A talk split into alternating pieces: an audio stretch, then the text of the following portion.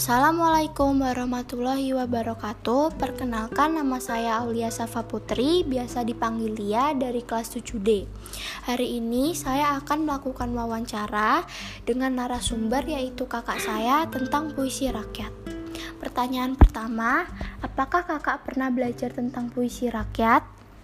Saya pernah belajar tentang puisi rakyat saat kelas 7 Apakah kakak tahu ciri-ciri puisi rakyat?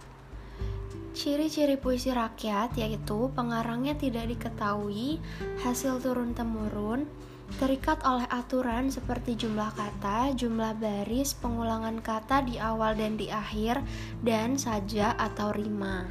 Pertanyaan selanjutnya, apa itu puisi rakyat, Kak? Puisi rakyat adalah puisi lama warisan nenek moyang yang memiliki nilai-nilai luhur. Apa saja jenis-jenis puisi rakyat, Kak? Jenis-jenis puisi rakyat ada gurindam, pantun, dan syair. Menurut kakak, apakah puisi rakyat penting untuk dipelajari? Mengapa? Puisi rakyat penting untuk dipelajari karena puisi rakyat mengandung banyak pesan moral yang bisa bermanfaat di kehidupan sehari-hari. Pertanyaan terakhir, kalau perbedaan syair, gurindam, pantun, apakah kakak tahu?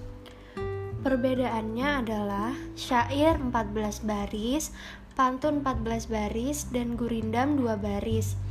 Pantun terdiri dari 8 sampai 12 suku kata. Syair terdiri dari 8 sampai 14 suku kata dan gurindam 10 sampai 14 suku kata. Rima akhir barisnya kalau pantun A B A B kalau syair A A A A, kalau gurindam A A B B C C. Terima kasih banyak sudah meluangkan waktu dan menjawab pertanyaan-pertanyaan dari saya.